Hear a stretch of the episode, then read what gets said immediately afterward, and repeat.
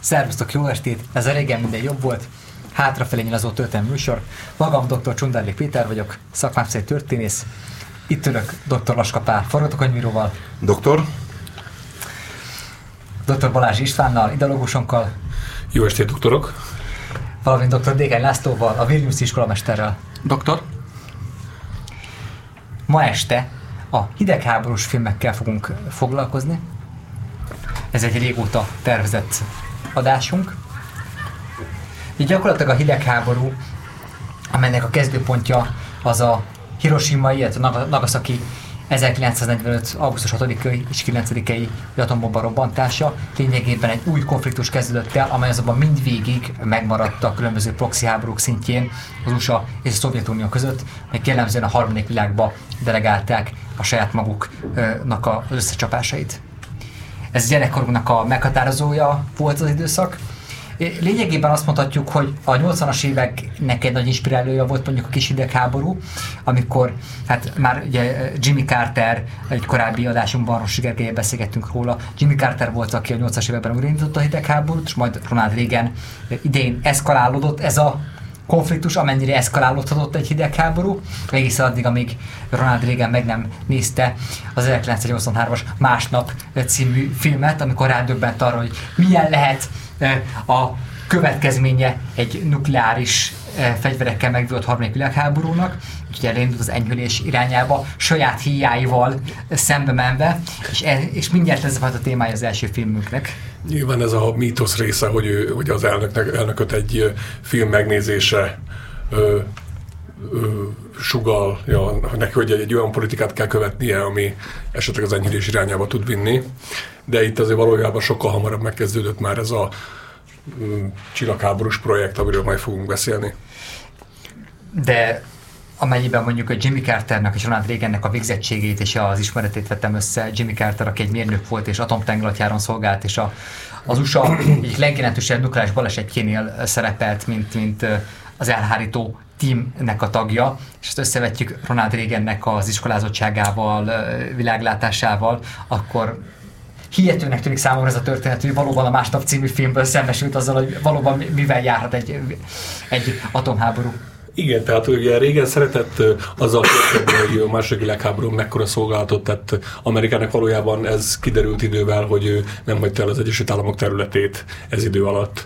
Tehát ez a fajta mítoszképzés a figura közül az elég, elég aktív volt. Most az, hogy Ronald Reagan ugye 1983-tól részben elmozdult az enyhülés felé, és hát a régen ö, kormányzatot is meghatározták a, mondjuk a galamboknak a híjáknak a szembenállásai, hanem is annyira, mint mondjuk a, a Carter, megőző Carter írát, amelyről Rossi Gergelyel beszélgettünk. Ez a, ez a szembenállás, és az, hogy vannak a kormányzaton belül valakik, akik a hidegháború mellett aktívan föllépnek, és adott egyben érdekeltek a fegyverbiznisben is, vagy a konfliktusok az eszkalációjában. Ugye ez ez a csoport kap főszerepet a Kémek, mint mi című 1985-ös John Landis vígjátékban. Hát magam részéről ekkor szembesültem, mert nyilván a 1991-ben ö, a Dorogi Palatinus kábel tévén láttam a Kémek, mint mit, mint az utolsó cserkész, tehát a életem legjobb filmét 1991-ben láttam. Ugye ez a vadkapitalizmusnak a korszak, a hős korszak, amikor a jogdíjak, tehát hogy is mondjam, a, a jogdíjakra még nem voltak tekintettel, nem, nem, nem. Már nem volt a té- televíziózás állami monopólium, de a jogdíjakra még nem voltak tekintettel, hogyha helyi kábel tévék levetítettek mindent, amit lehetett, és így láttam a kémek, mint mi című meg hát ugye is. 1991-2 volt körülbelül az, az időszak, amikor elkezdtek a 80-as években nem mutatott filmjei be, ö, beözönleni, tehát ugye a 80-as években, 85-től, amik a moziba kerültek, Top Gun-tól kezdve Aliens, ezeket a 90-es évek első éveiben láttuk. Külön, külön megnéztem, hogy mikor, mikor készült el ez a film, mert hogyha, hogyha 86 után készült volna, mint ahogy nem, hiszen 85-ös alkotásról van szó, akkor egyszerűen nem tudták volna lemosni magukról azt, amit én korábban gondoltam, hogy igazából ők a macskafogóból lopták ennek az egésznek a kerettörténetét, tehát a küldjük el Pokióba lustadikket is teljes titokban, az, az lényegében megduplázódik ebben a filmben. Hát erre már van mintázatunk, ugye nem erre István, hogy a, megírta már korábban az Armageddon és a Demolition Man című történeteket. Mi az alaptörténet a kémek, mint minek? Hát ugye két ö, Hát, hogy elküldik Pokióba elküld- is így teljes, van. teljes titokban. Teljes Csak titokban. nem egyet, hanem két darabot küldenek el belőle, és nem Pokióba, hanem Pakisztánba. De egyébként ugyanaz a sztori.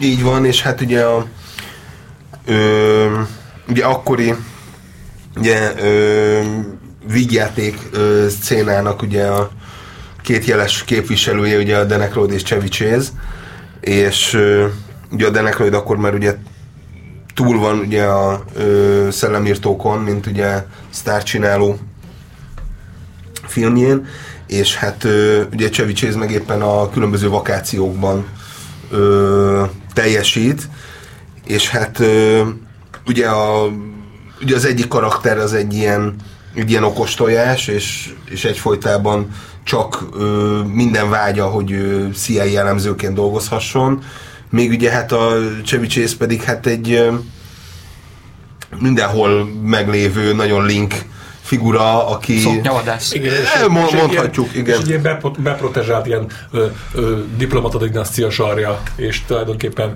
beleszületett ebbe a világba. Tékozló fiú. Igen, igen, igen, igen. igen. Aki- e- e- Emmett Fitzhugh-nak hívják, aki valóban egy diplomata családból származik, és ő az, akinek a, a apja, nagyapja elit egyetemeken tanult, követségi szolgálatot teljesített, tehát ő pedig ugye kikötött egy középszintű elemzői státuszon, és mondjam, de az ő elemzői munkája az lényegében az, hogy az 50-es évekből származó Ronald Reagan ö, muzikáleket néz egyébként a tévén, és nagyokat röhög, és nagyokat hahotázik. Igen, amikor még Ronald Reagan ö, próbált énekelni. Tehát amikor már nem volt cowboy, de még nem volt a General Electric ö, reklámfigurája kettő közötti időszakban volt egy ilyen szerencsétlen irányála. Ugye őket választják ki erre az akcióra, amelynek a kiindulási oka az, hogy a régen korszakban ugye volt egy, egy Team A, vagy egy Team I, és egy Team B nevű csoport. Ugye az a, az A csapat volt a hagyományos CIA jellemzőkből rekreáló csapat, amely próbálta felmérni azt, hogy a Szovjetuniónak milyen eh, elretentő potenciálja van, milyen nukleáris potenciálja van, és ezt erről tett egy állítást. És volt a Team B, amelynek a vezetője többek között Richard Pipes volt, egy lengyel származású, élesen orosz ellenes szovjetológus, történész, és ez a Team B, ez határozottan amellett foglalt állást, hogy a szovjetek fegyverkeznek, a szovjetek túlfegyverkezik magukat, előbb le kell egyébként csapni, Igen, ugye az hidegháború kezdete óta volt ez a MED doktrína, ugye, ami az a kölcsönös megsemmisülés elve, elvenek a rövidítése, és amely arról szólt, hogy egyetlen egyik félnek sem lehet célja az, hogy az első csapást mérje, mert az olyan láncreakciót indítana el, hogy abban az egész ö, bolygó meg tud semmisülni, és, e, és a régenféle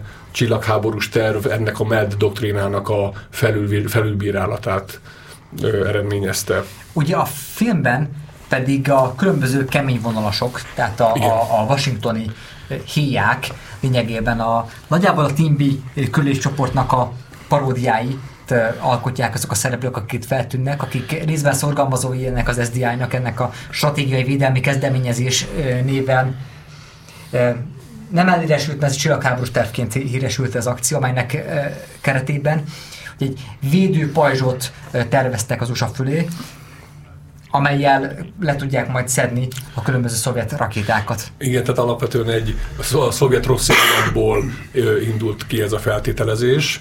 Egyébként ez a film meglepően hazafias felhang, tehát mégis a kö- a 80-as évek közepén vagyunk, tehát itt egy ilyen renegát tábornok az, akinek van ez a kis titkos projektje, hogy át, meghekkelik a szovjeteknek az egyik ilyen rakétáját, és kilövik saját magukra, és akkor így tudják majd üzembe helyezni a védelmi rendszert. Tehát a Élesben- élesben tesztelnek. Élesben tesztelnek, így van. És tehát a, ez a sztori viszont nem jut el az elnökig, tehát egy ilyen, egy ilyen tényleg egy kis titkos párfős csoportnak a kis ö, ö, Magánakciója. magánakciója ez, és a végén ugye őket le- le- letartóztatják, és ő látványosan demonstrálja a film, hogy hát az elnök erről nem tudott. Igen, tehát nem is az elnök, nem is a Pedig ez, CIA, a, pedig ez a valóságban ez a Ronald Reagannek a személyes projektje volt, tehát ez az ő felügyelet alatt ment. hanem itt a, a történetben ugye egy CIA-n belül itt egy kemény vonalas csoport az, egy ilyen Timbi paródia, akik elhatározzák, hogy kiküldenek ügynököket, valamint csaliként kiküldenek ügynököket, akik, akiket feladottak azért, hogy az igazi ügynökök megszerezzenek Tajikisztánban egy szovjet SS-20-as rakétakilövő és arról elindítsák a rakétát az USA felé. Egyébként a Ronald Reagan felkészültségre árulkodik, hogy a, ezt a Avar Jánosnak az elnök szerepében Ronald Reagan című könyvében olvastam, hogy Ronald Reagannek meggyőződése Ez a te felkészültségedről árulkodik. Más régen könyveket is olvastam.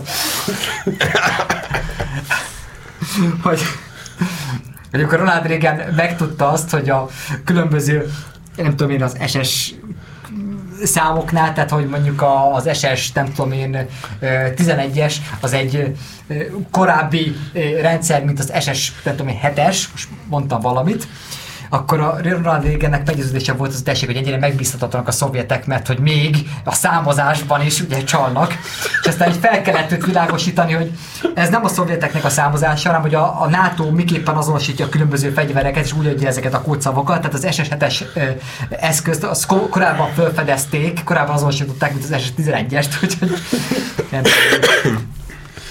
és hát így választják ki Csalinak ezt a, hát az egyik egy igazi kretén, ugye a Chevy Chase játszott karakter, aki hát... Ugye, ő, ő általában ezeket a szerepeket tudta, hogy mondjam, zsigerileg játszani, tehát hogy egy, tényleg egy semmilyen tudással, de annál nagyobb arccal rendelkező, tényleg ilyen, ilyen womanizer karakter. Hát igen, azért 80-as években a szélhámos karakter az nagyot ment, különösen vígjátékokban. Ig- igazából tényleg ez a szélhámosoknak a nagy korszak. A rablólovagoknak, vagy a magukat rablólovagoknak eladó szélhámosoknak a korszaka. Igen, tehát a politikai irány is ebbe, ebbe, ezt fogalmazta, ezt a, ezt a hőstípust emelte föl. A tőzecápákban is elboldogott volna ez a szerep. Igen. Ki, kiküldik őket, csak aztán után kell vennünk egyébként ugye a valódi ügynököknek a szerepét. Ugye gyerekkoromban itt találkoztam Pakisztánnal, és később megdöbbentem, amikor megtudtam, hogy Pakisztán atomhatalom. Nyilván leginkább, mint egy ilyen atomhelyőrségként, tehát nem, nem, Pakisztánnak nem volt egy atomprogramja, hanem tekintetben, hogy közel van mind Kínához, mind a Szovjetunióhoz, mind ugye Indiához, mint potenciális hatalomhoz. Ezért egy nagyon jó elretentő eszköz volt, és pláne az afganisztáni háború eszkalálódása idején. Igen, és milyen szépen ugye a film is milyen optimista módon, ez az, bár csak így sikerült volna véget vetni a hidegháborúnak, hogy egy ilyen kulturális barkóba a keretén belül, na hát akkor elbuktátok Kelet-Európát. Egy ilyen, egy ilyen rizikó, de... Igen. De egyébként ez, ez a film talán a válogatásuk, tehát hogy van, vannak ezek a filmek, ahol ilyen nagy, nagy világrendszerek, nagy ellentétek összeütközését hozzák, és hogy a filmek nagy része azért így megpróbálja letenni a garast valamelyik oldalra, de esküszöm, ez az a film a válogatásban, ahol talán még szimpatikusabbak a szovjetek, vagy hogyha választani kellene, hogy Hát legalábbis a, a szőke, szőkehajú hölgyek mindenképpen, hogy mi a fantázia, fantáziát izgató. Igen, hát a végkifejletnél azért a kétfél kooperációja szükséges, tehát itt, itt van egy ilyen békeüzenet. Mint, békeüzenet. mint egy rendes James Bond a, filmben a 80-as években. Tehát itt az ellenségképzés nem működik, úgyhogy ha megnézzük a mondjuk a Tony Scottnak a Top Gun filmjét, ahol ugye a pilóták, egyébként a szovjet pilóták maszkot viselnek, értetetlen ugye, nyelven beszélnek, tehát hogy teljesen, tehát ugye igen, ez a, ugye, a, a, maszkos, dehumanizált. Igen, a maszkos, értetetlen, dehumanizált nyelv, dehumanizált, értetetlen Ilyen roverszerű, az a nagy, az a nagy igen, igen, igen, ez a sötétített, igen. semmit nem lehet átlátni. Ugye ebben a filmben abszolút megtörténik ennek a képnek a dekonstrukciója, hiszen először ugye maga a film is úgy kezdődik, hogy az őzigék menekülnek, hogy az állatok megriadnak, klasszikus horror toposz, amikor az állatok menekülnek valahonnan. Az állatok igen. menekülése, gyerekek megvadulása, hogyha a gonosz megjelenik. Jön, hogy az SS-20-as rakéta hordozó, ami ledönti a fákat, pusztítja a természetet, és egy ilyen a maszkos figurák megjelennek ott fegyverrel a kezükben, akik kísérik a rakétahordozót. És aztán hát később látjuk ezeket a hát, fehér nevűben is, és azt a szovjet modellt, aki szerepel ebben a filmben. Igen, szerintem valószínű ez inkább a ö, magyar sajtóban ö, svéd modellként elhíresült ö, társadalombiztosítási ö, modellnek a képviselői lesznek, tehát hogy ö, ugye Norvégiában forgatták ezeket a havas részeket, és szerintem ilyen svéd, dán, norvég, skandináv modellek voltak, akik, akik ott szerepelnek. Még kicsit az UFO kultuszra térjünk rá, tehát hogy az, az UFO történet, tehát a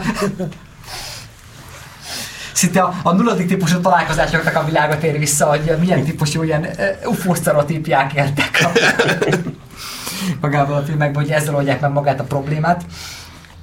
UFO-nak átszázzák magukat. Így van, és, és ugye egyébként ugye ebből is látható, hogy azért így a, a rendszerváltás ugye mit hozott, hiszen amit így mondjuk úgy évtizedek így felhalmozott a, a nyugati világ, és a- azt még gyakorlatilag egy ilyen három hónap alatt sikerült megkapni, például az UFO kultuszt és a harmadik típusú találkozások című műsort is. És hirtelen rendkívül sok UFO megfigyelés lett onnantól kezdve, hogy már, már volt saját műsora a tévében en, ennek a szubkultúrának.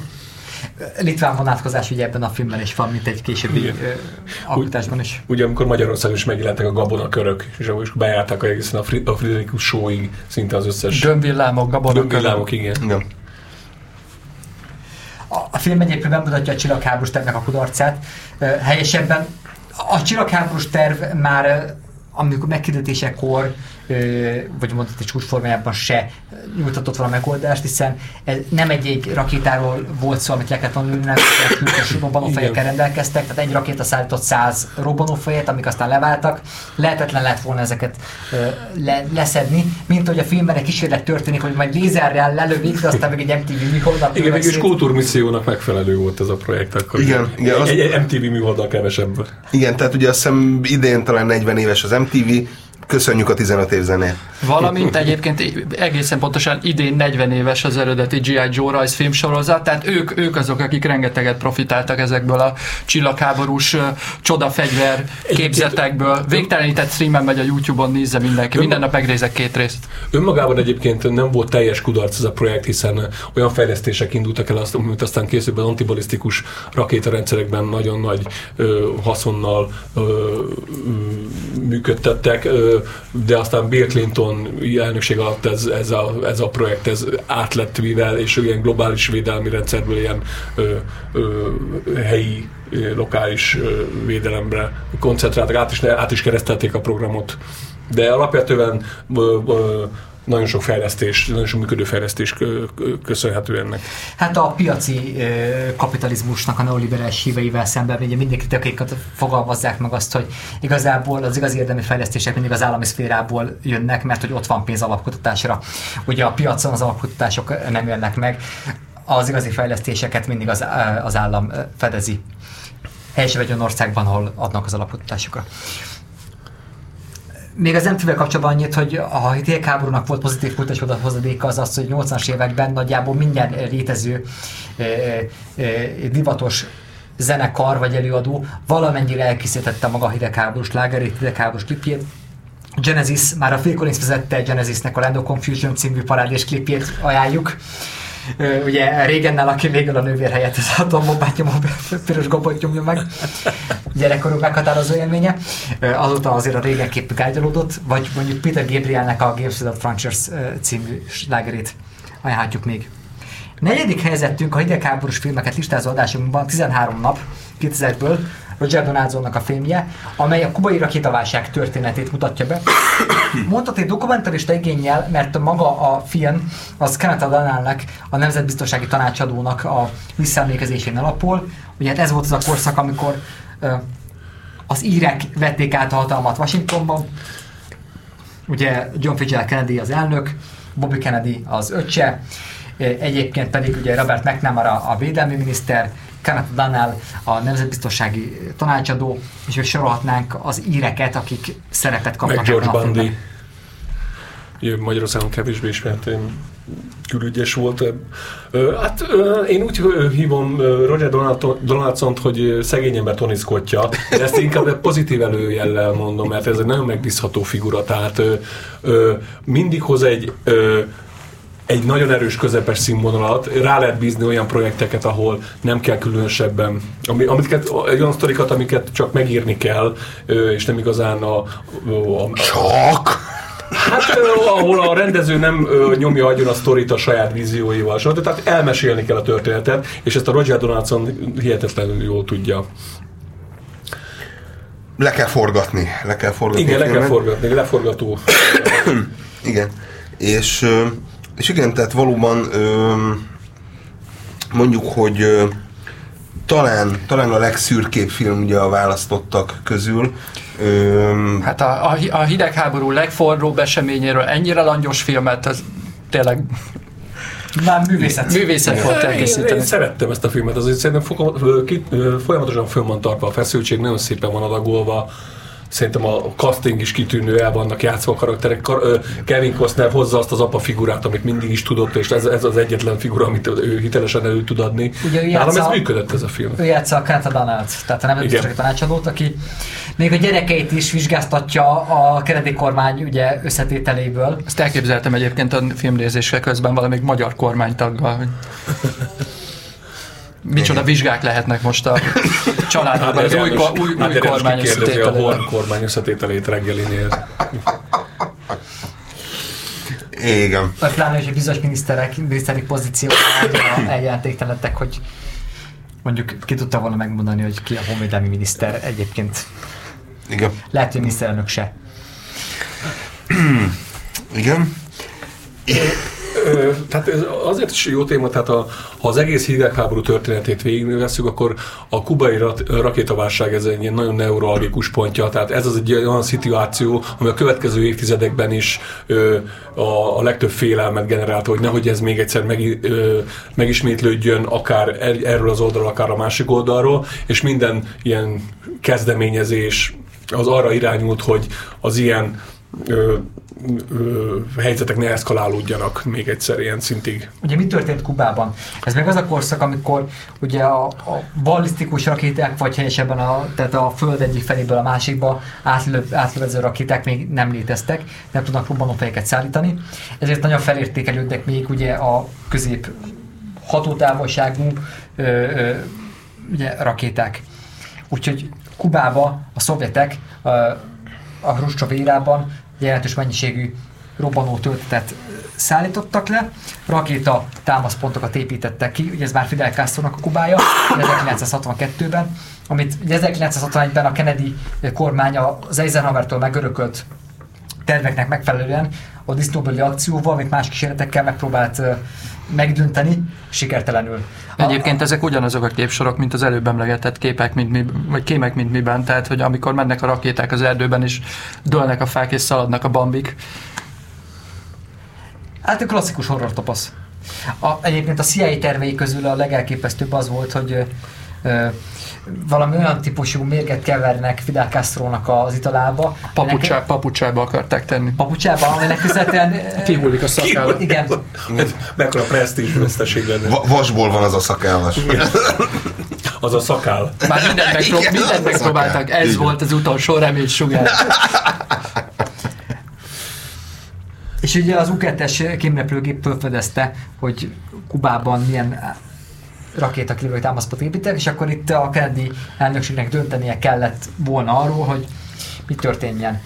Megelőző csapásmérés, blokád, vagy adott esetben van. El- Előtte azért gondosan berendelt egy ilyen száz doboz Harry Jukman szivart, amit ő szeretett szívni, és utána vezette be a blokkádot Kubával szemben. Ugye a, a, egy picit a kintebb lépünk oda az, hogy ö, tehát nem a szovjet rak- ö, rakétatelepítéssel kezdődött ez a, ez a folyamat, hanem ö, azt szerette volna a Szovjetunió elérni, hogy a Törökországba telepített ö, rakétákat is az USA ö, hozza vissza a saját területére, és végül is ö, Kennedy-éknek a zseniális diplomáciájuk ö, megoldotta azt, hogy ö, visszatelepítették ezeket a rakétákat úgy, hogy ez a, az Egyesült Államoknak nem sz- szenvedett politikai veszteséget a, egy ilyenfajta visszavonulás.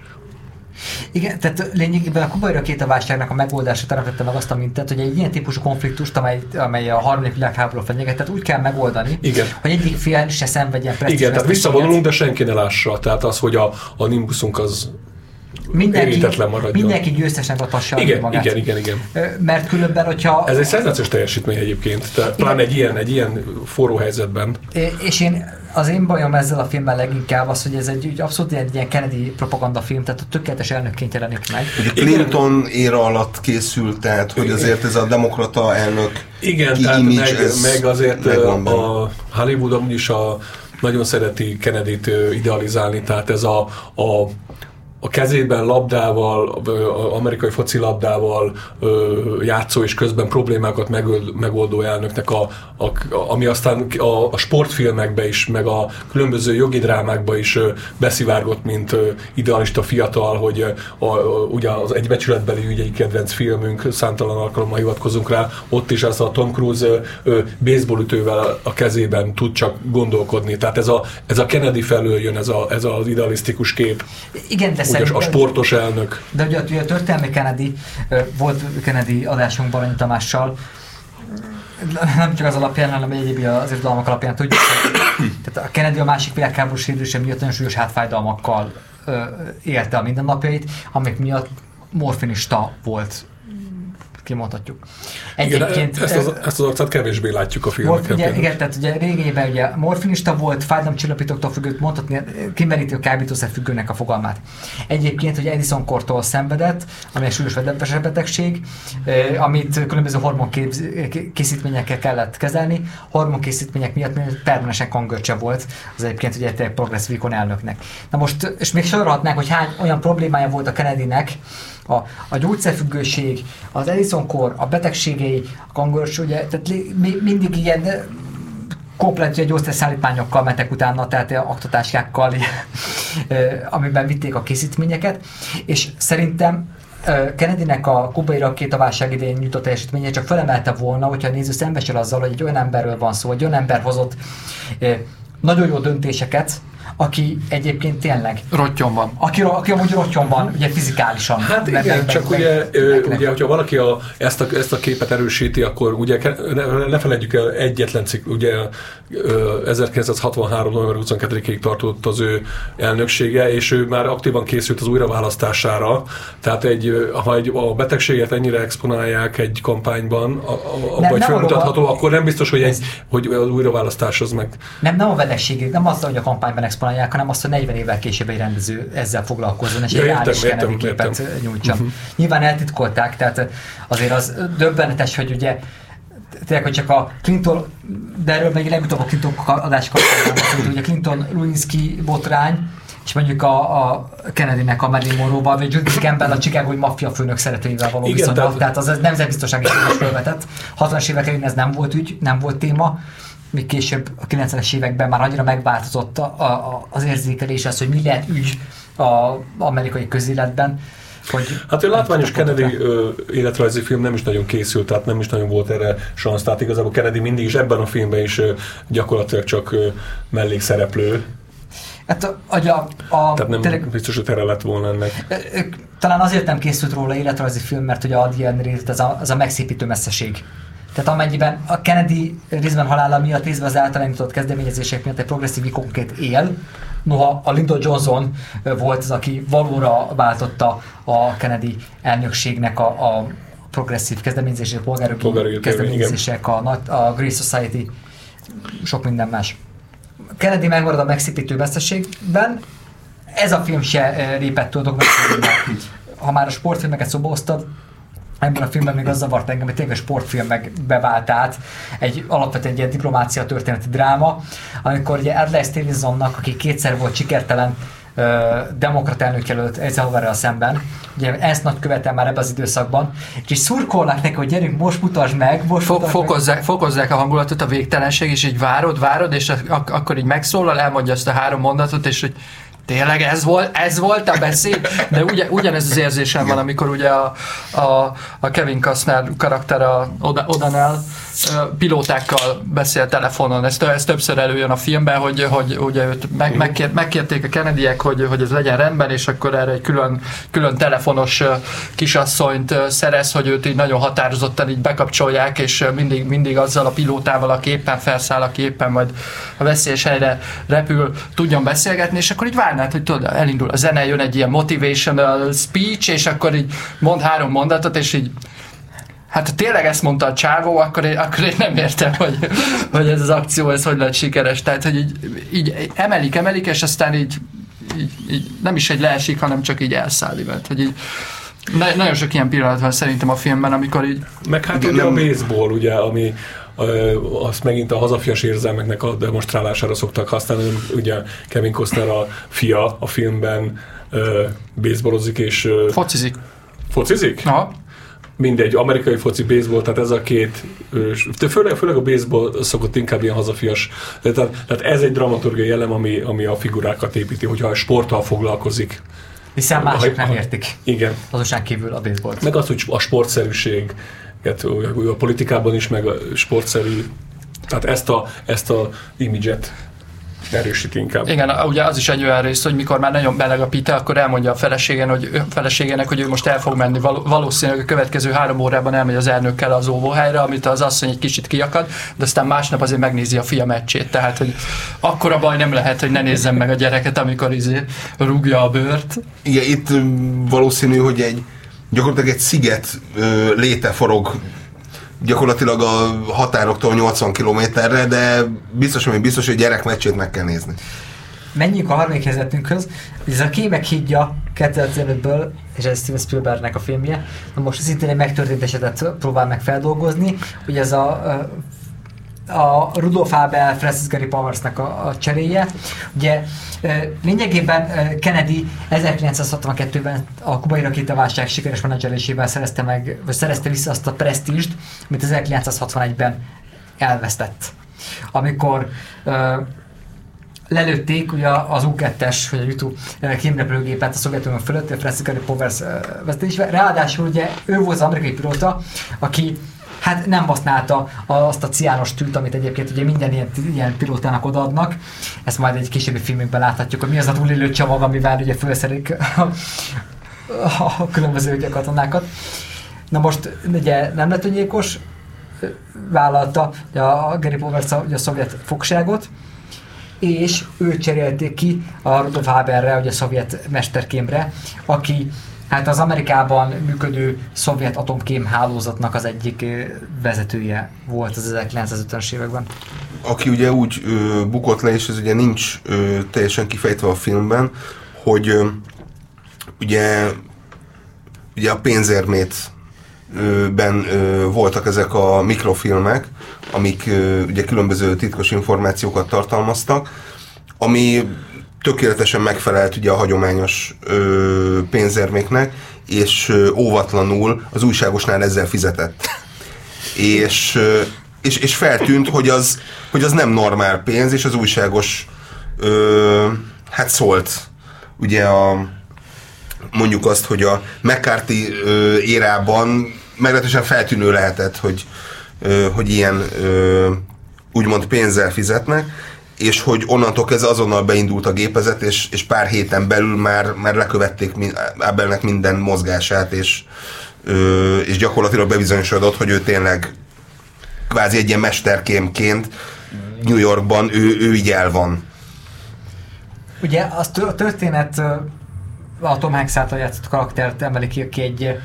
Ez egy tipikus Tom Hanks figura, aki egy, Igen, link, aki egy ilyen, igen. alapvetően egy ilyen link szereplő lenne, egy link karakter, de aki hirtelen így belekerül valami történelmi szituációba, a történelmi szerepet játszhat, és valahol valamilyen humanitárius szempont megszólal benne, és akkor így ő- eszkesködik. Ez Spielbergről beszélünk, ugye a, Az átlag amerikai, aki, ez aki a- felemelkedik egy fontos ügyével. Igen. Igen. E- e- Henry Fonda játszotta sokáig ezeket a szerepeket, aztán Robert Redford vette át az ilyen típus karaktereket, és aztán Tom Hanks jutottak ki ezek a Igen, ez a. Tom Hanks arcú humanizmus. Ez, Igen, ö, igen. De az a zsenialitás ennek a filmnek, hogy Tom Hanks figuráját, ha megnézzük, mivel foglalkozik? Egy biztosítós társaságnak a jogásza, vezető jogásza, aki különböző biztosítások kapcsán alkudozik. Tehát már tehát nem véletlenül kapcsolják őt be ebbe a történetbe, hiszen van egy ember, aki aki tud alkudni, és a, tehát a biztosítási szakmát és, a, és ezt a tárgyalói szakmát, vagy ezt a, ami a kém tevékenységnek általában az egy eléggé fontos ö, skillje, hogy ez, ez, ez meglegyen, ezt szépen egymás mellé helyezi. Tehát a Tom Hanks folyamatosan úgy tud kérdezni a filmben, hogy ö, úgy tesz ajánlatot, hogy a másik észre sem veszi azt, hogy kevesebbet kap, mint amennyit ad. Ö, és ezt a biztosítási ügynökök, meg az ilyen tárgyaló emberek nagyon megtudják, hogy hogy kell úgy becsomagolni az információt, hogy ne lógjon ki ez a lóláb, és, és ez, ezek a, a filmnek a legjobb pillanatai. Amikor már úgy, úgy kérdezte, hogy na akkor ti akkor két, két embert adtok, és nem egyet. És akkor az orosz fél, a szovjet fél az már, már rögtön van egy ilyen, először természetesen van egy ilyen negatív, elutasító hozzáállás, de már elkezdik magukban érlelni, hogy na jó, hát akkor mi lenne, ha mégiscsak adnánk kettőt, és akkor szépen így, így apró kis lépésenként sikerül ezt a egy embert kettőért azt Spielberg látott meg ebben a történetben. Szerintem Spielbergnek van egy olyan, az, az, az ő, ez az ő személyiségéből fog, ebben a történetben semmi olyan kiemelkedően Spielbergi dolog nincs. Ő nagyon szeret az 50-es, 60-as, 50-es, különösen az 50-es éveknek a, a a, a témáival, meg az, az, az, az akkor divatos fogalmazásmóddal ilyen régi módi történeteket elmesélni. Tehát biztos, hogy ez vonzotta, tehát a világok harcát is emiatt forgatta újra. Tehát ő nagyon szereti a saját gyerekkorának a fogalmazásmódját ismét. Ez neki, egy, ezt, szerintem ezt kettelésből csinálja. Gyakorlatilag az IT e is, ugye, amikor a, az 50-es években, ugye a, akár moziban, akár ö, tévében ezek a rettenetes, ö, ilyen óriás hangyás, mindenféle földön kívüli fekete-fehér filmek mentek, és a, a saját bevallása szerint, hogy a tévében látott egy olyan filmet, ahol nem ilyen rettenetes gonosz földön kívüliek voltak, hanem ilyen, ilyen aranyos, kedves ö, figurák, és, ö, és ott meg ugye a beilleszkedés volt ugye a, ö, a fő kérdés, és hogy ö, és az IT e ebből, a, ebből az élményből ö, született. Tehát, tehát abszolút hát az 50-es évek, mint 50 évek társadalmi az... változás, második világháború után. Ugye. Igen, legutóbbi film és a West Side Story egyébként kitűnő, mindenkinek Igen. ajánlom. Az is, ez, is, ez is csak, ugye az édesapjának ajánlja a filmet, és ez, ez most elmertünk a Spielberg irányába is egy kicsit, hogy neki mit jelent az, hogy, hogy, hogy, ugye az, hogy az édesapjához való viszony, az neki mennyi nem volt egyszerű gyerekkorában, és ezért, ezért a saját gyerekkorában egy picit ő benne ragadt. És keresi a mai napig azokat a, azokat a formanyelvet, azt a formanyelvet, amit ő gyerekként annak idején megélt. Kicsit a Tom Hanks pályán is jelző lesz a filmet, aki szintén a nemzet nagy színésze lett. Na, mondjuk a Tom Hanks karrier nem annak indult, tehát hogyha a, a 80-as évek második felében készült a 80-as években ha, abszolút vígjátéki színész. Vígjátékait vetem össze, Igen. akkor mi gondoltam volna azt, hogy ő egy ilyen tényleg egy új Henry Fondája lesz a, az amerikai én, én, inkább, én inkább talán Jack Lemonhoz hasonlítanám, aki egyrészt szintén egyfajta átlagembert játszik mindig, és akár vígjátékban, akár drámában lehet használni, és, és megállja a helyét. És amikor viszont komolyan ugye veszi a szerepet, és általában ugye ezek drámai szerepek, akkor viszont egy nagyon méltóságteljes Igen, mert, ő, ő, mert tud lenni. Ő fiatal korában ő nem olyan volt, mint mondjuk a Tom Cruise, aki egy ilyen, kvázi play, egy ilyen playboy szerepeket kapott. Hős, a, igen, hős típus tehát ö, ö, Tom Hanks nem nagyon mutatott volna jól egyet, egyetlen Tony Scott filmben Jó, sem. Tom Hanks mindig a Balekot játszott a vigyátékokban. Igen, a igen, igen, igen. És Tehát ő az amerikai Pierre Richard volt egyébként, nem volt a, a férfi. Igen, volt, volt egy ilyen is, de ö, nem feltétlenül, tehát a legény búcsúban ő abszolút egy ilyen vezető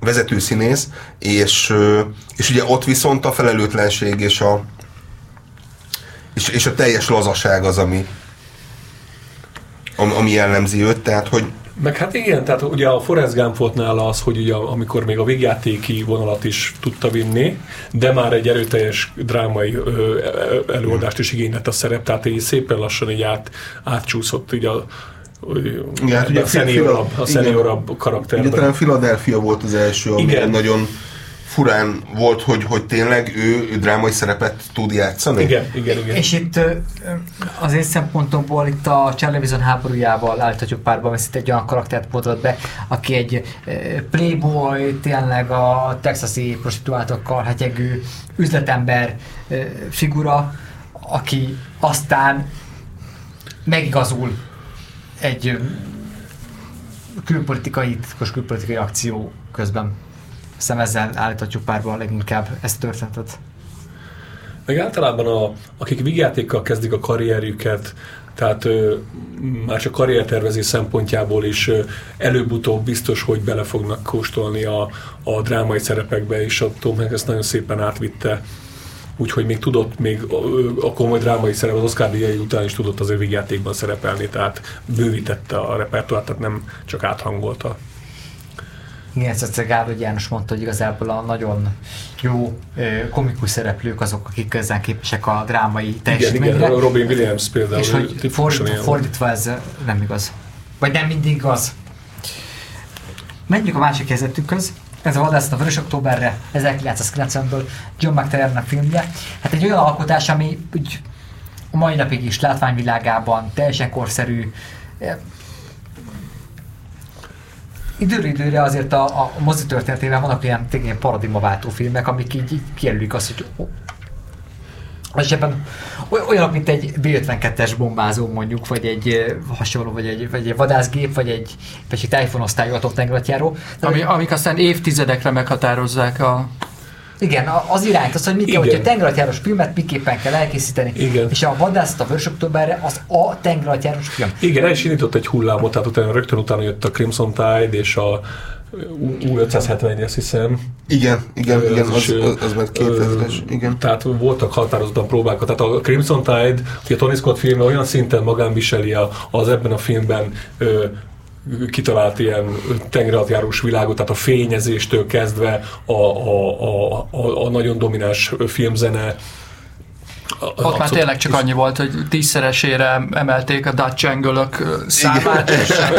Igen. Igen. Illetve akkor még nem is beszéltünk az ilyen, mondjuk azt, hogy abban az időben még direct to video részeket, hogy, hogy akkor már Radger Hauer volt, a, ö, aki játszotta a Sean Connery-t, ö, aztán már később Mardakaskos, tehát hogy így, így szépen fokozatosan ezek így ezek elárasztották a videótékákat. Lefelé. Így van, így van, szépen süllyednek lefelé. De most a Vadász a Vörös Októberre az egy Tom regényből készült, és ugye itt tűnik föl az a figura, aki tényleg Bolden alakít. Igen, aztán... Jack Ryan, ugye, elő, ugye az egy visszatérő karaktere, tehát egy egész sorozatot húzott föl erre a karakterre a Tom Clancy, tehát ez volt az első Jack Ryan film, akit az, amit aztán átvett Harrison Ford ugye a férfias játékokban és a, a végveszélyben című filmekben, aztán pedig már Ben Affleck. Ben Affleck is, igen, a, Ö, hát erre én is csak ezt igen, a, a, a stadionos fél arénája. Igen, igen, igen. Igen, igen, of Warfields, igen, igen.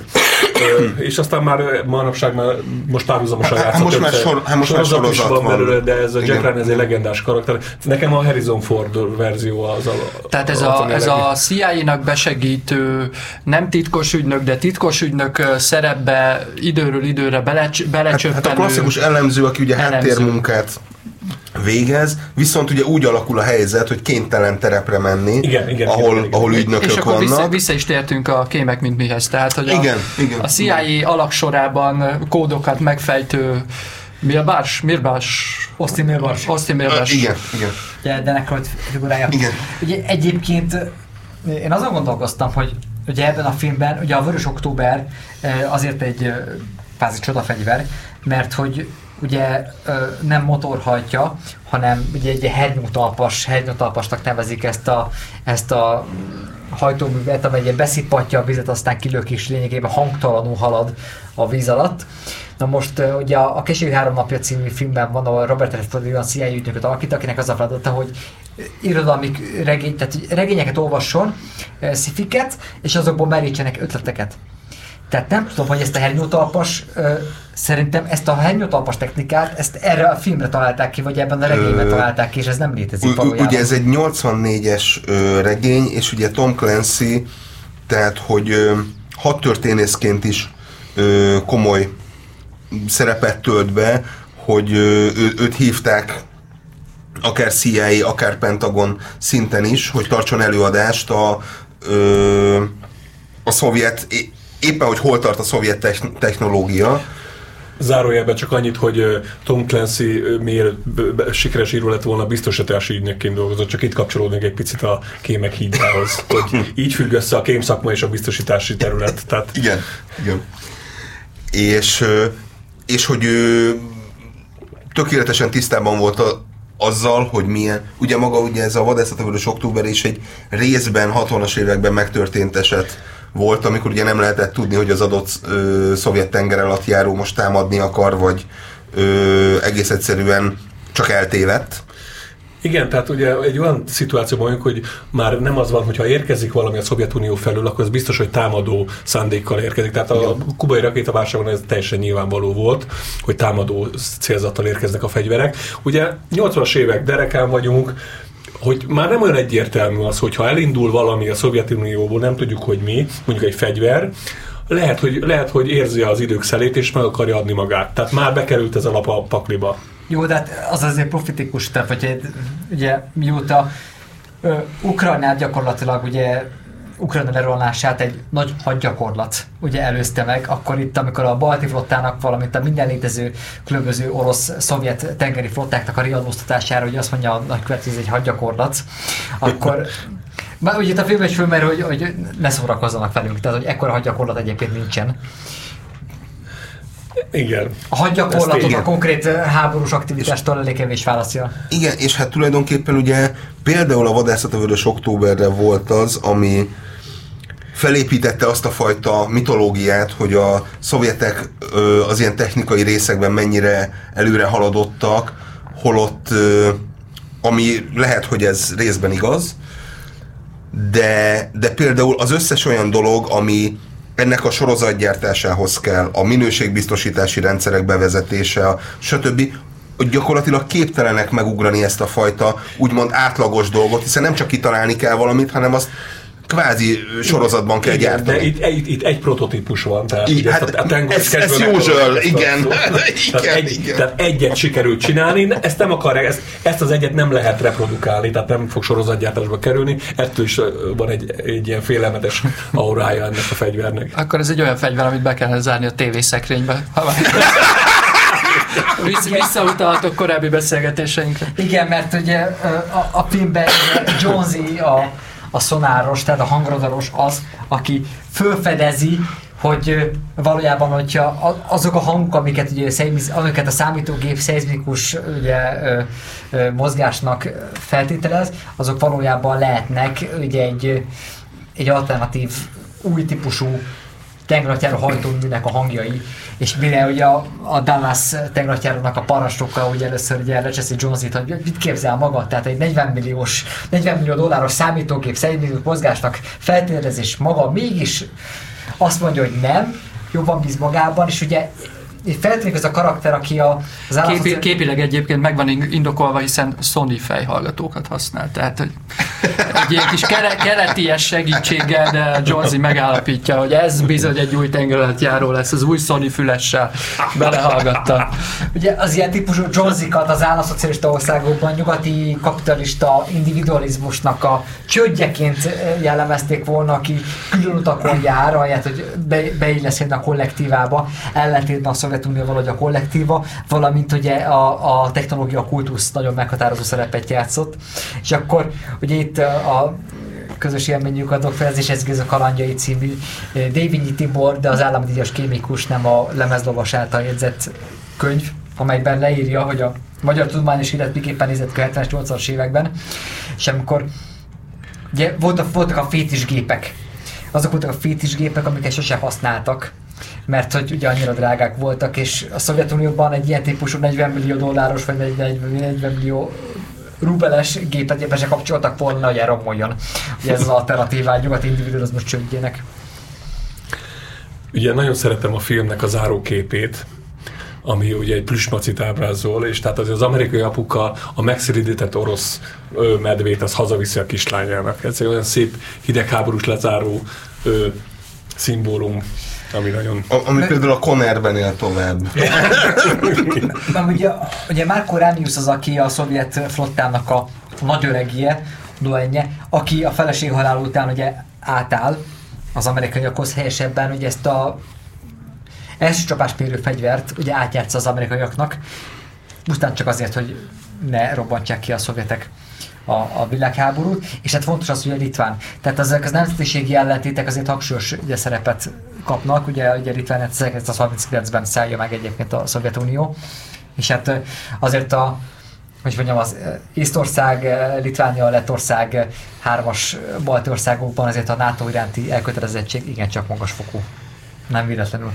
És talán, ha még egy ilyen szimbólumot vagy momentumot ki tudnánk emelni, ugye már a kémek, mint minél mondtam, hogy, hogy ezek a nagy világrendszerek szembenállásait bemutató filmek azért van, amikor így megpróbálják letenni a garast valamelyik oldalra, ez, ez van, amikor ilyen nagyon finoman történik, és például ugye az előző, az előző filmünkben a, a Kémek hídjában ugye ez egy ilyen zár, záró momentum, hogy mikor otthon Tom Hanks a magas vasúton Brooklynban utazik, kinéz, és akkor látja, hogy a gyerekek ugrálnak át a kerítésen, de ugye egy órával korábban, amikor ugyanezt tette Berlinben, akkor azt látta, hogy ott viszont lelövik az embereket, aki, akik átpróbálnak mászni a, a berlini falon. Ez egy ilyen nagyon finom utalás. Na most itt a, a, a vadászat a Vörös Októberben egy viszonylag konkrét megfogalmazása történik annak, hogy, hogy legalábbis a filmkészítői szerint mi a különbség a keleti és a nyugati blokk között, ugye amikor a kapitány azt mondja, hogy hogy elsüllyeztem a, ezt a szupertitkos atomtenger alatt járót, hogy nehogy, az, nehogy az ellenzék kezére jusson, és akkor a,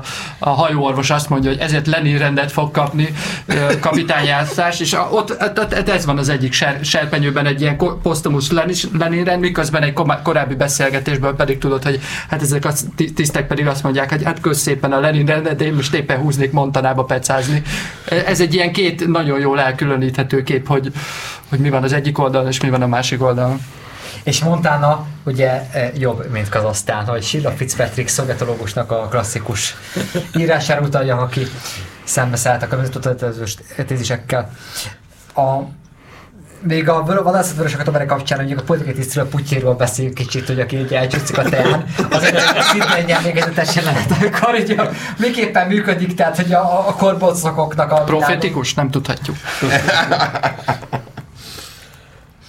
Igen, tehát, hogy ö, ugye alapvetően no, ö, szerintem tényleg ez ilyen ö, tábori lelkészek helyére érkeztek a politikai tisztek, tehát, hogy ez ilyen ö, akár motivációs, akár bármilyen lelki problémával ugye hozzájuk lehetett fordulni.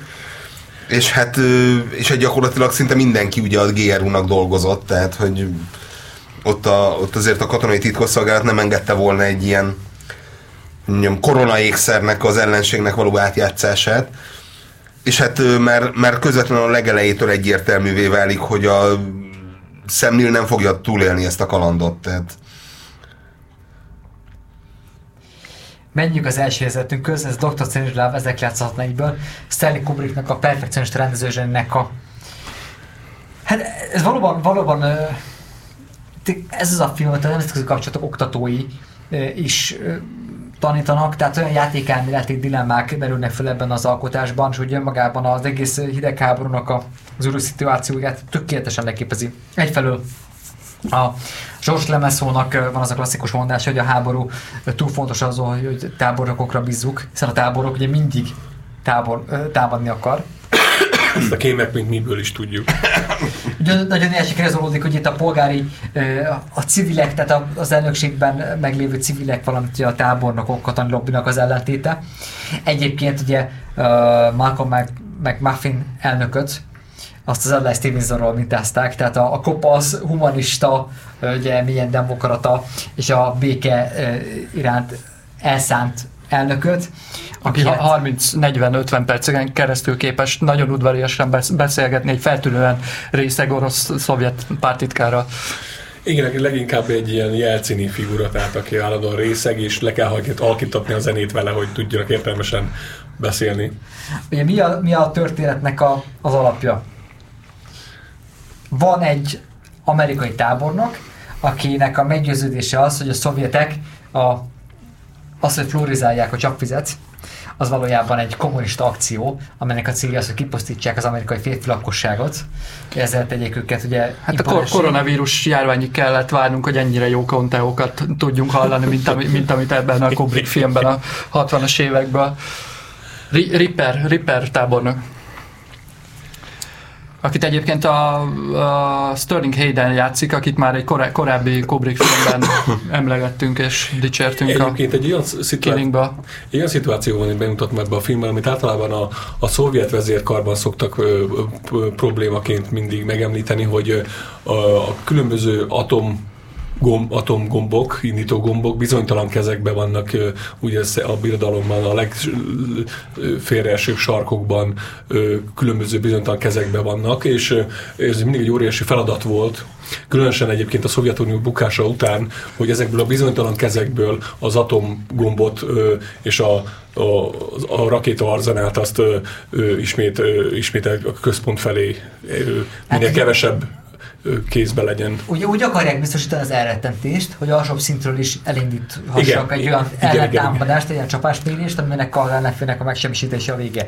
De mivel már alsóbb szintekre is ugye delegálják a, a csapásmérésnek a lehetőségét, onnantól kezdve gyakorlatilag szigorú kontroll ugye kikerül Igen, a igen. És innentől kezdve az, amit ugye a Fritz Durant a fizikusokban megfogalmaz, hogy gyakorlatilag ugye a legrosszabb forgatókönyv valósulhat meg, és Ami szintén e körül, tehát 60-as évek elején íródik. Igen, 60-as évek abszolút a fizikusok. Ebben a filmben született.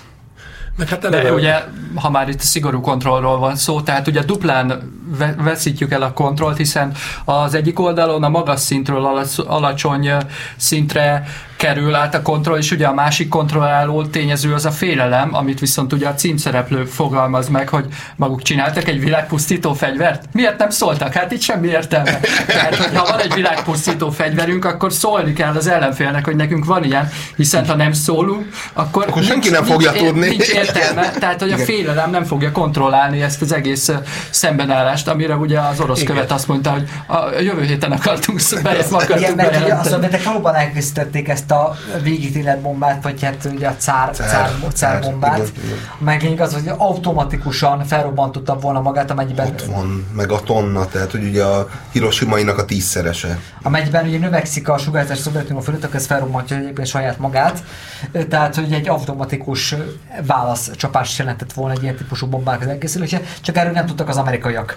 Viszont ez a Ripper táborok elindítja a csapásmérés a szovjetek ellen, kiküldi a B-52-es ugye, bombázókat a Szovjetunió fölé. Eh, Azzal parancsol látókat, hogy ne hallgassanak ugye a visszarendelő, visszarendelő parancsra, mert hogy mm, kommunista beszivárgók vannak egyébként az Amerikai Egyesült Államok vezetésében. Ha valaki a saját egyenruhánkban érkezik, inkább lőjétek le. Pár veszte, i- ilyen apró veszteségekkel inkább elfogadok, mint hogy az egész támaszpont elveszem. És ö, általában ugye a Terry Southern ö, forgatókönyvíró, aki ezeket a nagyon cinikus és nagyon ö, mondjuk, hogy ö, ironikus mondatokat ugye beleírta, hogy mm, uraim itt nem harcolhatnak, ez a harcterem, tehát És hát itt ugye Dr. Strange Love, akit részben ugye Bernhard von Braunról mintáztak, részben Delerevéről. Talán egy kevés Kissinger is, Henry Kissinger is van benne. Ugye ő, a, aki aztán az nagy ideológusa lesz professzorként, kényszeresen Hitlerező ugye, professzorként ugye meg, megmagyarázza azt, hogy mi a következő lépés egy ilyen esetben, akkor most ugye bunker, bunkereket kell építeni, és ez fantasztikus, ez az amerikai katonai vezetésben, ugye a katonai lobby, rögtön, rögtön, ugye meg a, a válságban meglátják a lehetőséget, hogy akkor lehet, hogy megsemmisül az emberiségnek a 95%-a, de akkor itt most bunkereket kell építeni, ahol ugye nyilván az emberiség túlélése érdekében ugye egy férfira tíz nőt kell leszállítani biztonságos Ugye a, a, a, tehát, a hogy- prosti ágyából a válságstábba be, betaxizó tábornok ezt azonnal ráharap erre a lehetőségre. És alapvetően arról szól egyébként, hogy biztos senki sincsen helyzet magaslatán. Az orosz pártitkár részeg, az amerikai elnök egy Igen, pacifista, idealista, és az, hogy, megoldani és az, hogy, hogy ez, egy, ez egy olyan rendszer, egy olyan gyenge rendszert mutat be, amit pillanatok alatt meg tud mér- mérgezni a félelem.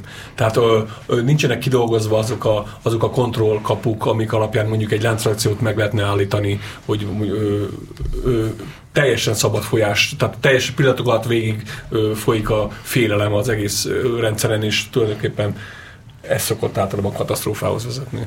És itt megint csak a Francis Fukuyama által hivatkoztatunk, hogy a bizalom az, ami lényegében Igen. az egész emberi civilizációt előre viszi.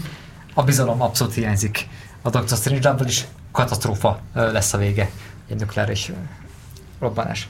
Köszönjük szépen, ez volt a régen minden jobb volt. Dr. Laska Pál, Doktor? Dr. Balázs István, Doktoraim, Dr. Dékány László, Doktorok? és van meg Dr. Csundalik Péter volt, Dr. Balázs István, doktoraim, Dr. Dékány László, Doktorok? és van meg Dr. Csundalik Péter voltam. Remélem nem hagytunk ki senkit. Hidegháborús filmekről beszélgettünk ma este. Szervusztok! Sziasztok! Sziasztok.